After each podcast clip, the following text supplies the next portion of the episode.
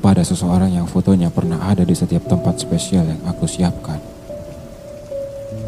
Well, mungkin ini adalah surat fiksi ke seribu kali yang aku tulis, namun tak pernah kau baca. Tak apa, ia memang tercipta seperti itu, atau lebih tepatnya, seperti kisah kita kemarin, mungkin. Maaf, aku tak bermaksud membuatmu tersinggung lagi. Oke, baiklah. Surat ini aku tulis bukan tanpa alasan juga. Melainkan, ada beberapa hal yang menggerakkan tanganku untuk kembali menuliskan namamu lagi di sini. Ah, tidak.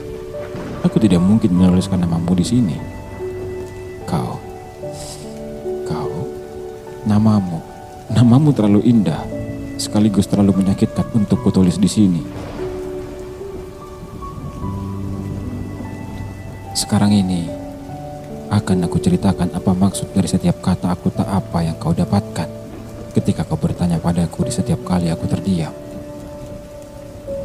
Aku bukan bermaksud menjadi seseorang yang egois dan kekanak-kanakan karena memilih untuk tidak berbicara tentang perasaan yang aku rasakan. Hanya saja, aku tahu jika aku bicara, itu mungkin akan mengganggu kebahagiaanmu sekarang ini. Tak enak rasanya merusak kebahagiaanmu yang telah dibangun susah payah oleh seseorang yang kau cium pipinya sebelum tidur itu. Karena dulu, tanpa kau tahu, aku juga benci ketika kau di sampingku, namun kau tetap membicarakan orang lain. Ah, aku jadi kembali membicarakan masa lalu. Maaf, maaf. Dari sekian banyak kerikil, dari sekian banyak anak tangga, dari sekian banyak persimpangan, dari sekian banyaknya hal-hal itu di masa lalu, pada akhirnya aku sampai kepadamu kemarin. Aku kira aku akan berhenti cukup lama, namun ternyata tidak. Aku kira kau lebih dari sekedar tempat peristirahatan, namun ternyata kau adalah persimpangan yang lainnya. Namun aku akan jujur, dari sekian banyak masa lalu yang telah aku lalui, entah mengapa, kau yang paling melekat. Rasa-rasanya, setiap aku menemui orang baru dan menunjukkannya pada temanku, mereka akan berkata bahwa orang baru itu mirip dengan dirimu. Entah itu matanya, hidungnya, bibirnya, badannya, atau bahkan gelak tawanya. Awalnya aku merasa ini hanyalah kebetulan, hingga pada akhirnya tiga temanku mengatakan bahwa setiap persimpangan yang aku lalui, semuanya selalu mirip dengan dirimu. Astaga, jadi Selama ini, di dalam alam bawah sadarku, aku mencari penggantimu. Namun sebenarnya aku mencari kau dalam diri orang lain. Sungguh memalukan. Aku tak pernah merasa sebegitu bodoh seperti ini. Kau, kau adalah orang pertama yang mampu membuatku seperti ini. Tapi, tapi kau tenang saja. Aku pun pada awalnya tak percaya. Mungkin ini hanyalah hayalanku saja. Namun semakin aku mencoba untuk mengelak dari rasa yang aku buat sendiri ini, tanpa sadar, aku semakin mencari kau. Iya, kau. Aku sangat pandai menasihati orang lain.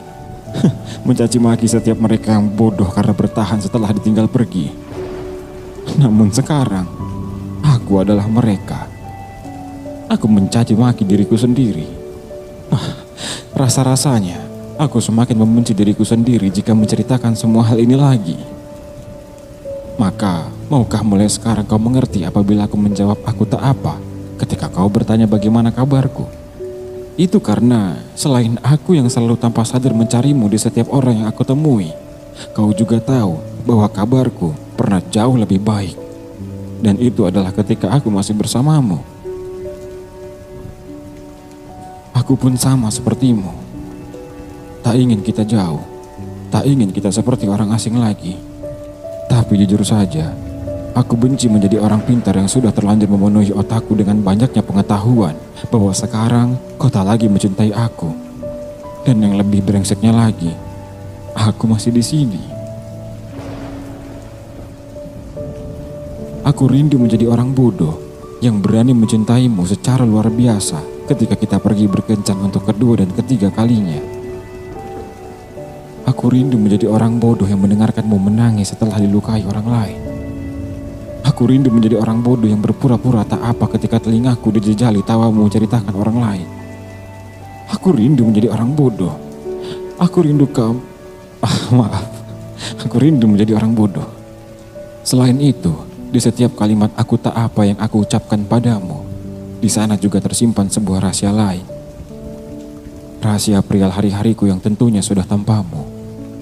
Baik buruknya, aku ingin banyak bercerita seperti dulu. Kau mendengarkan, sesekali tertawa karena aku menyelipkan kata-kata manis. Atau kadang terbahak-bahak ketika aku menyelipkan hinaan kecil perihal orang-orang yang aku temui pada hari itu. Namun aku memilih untuk tidak bercerita lagi. Bukan karena apa-apa, namun aku tak ingin mengganggu apa yang sedang kau bangun sekarang bersama orang lain itu. Aku sebenarnya bisa saja menjadi orang brengsek yang datang masuk ke kehidupan kalian, membuatmu kembali jatuh cinta kepadaku. Lalu kemudian aku pergi begitu saja. Wah, itu perkara mudah untukku. Bahkan hanya lewat tulisan saja aku mampu. Tapi, kau tahu aku, Aku yang sebenar-benarnya aku pasti tidak akan pernah melakukan itu.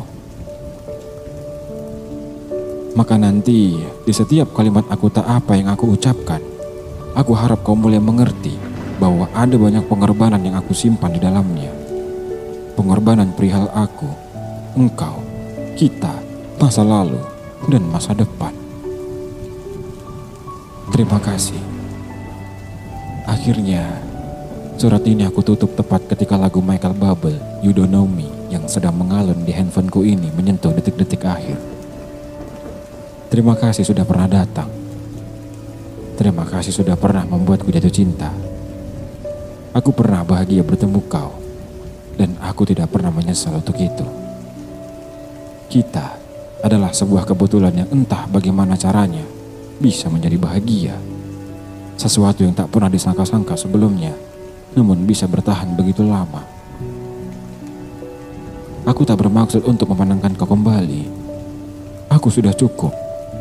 Saatnya aku mulai kembali berlari setelah beristirahat panjang. Kelak, apabila kau tak sengaja berkunjung dan membaca surat yang diam-diam aku tulis untukmu ini, lalu kau merasa bahwa aku belum benar-benar bisa melupakanmu.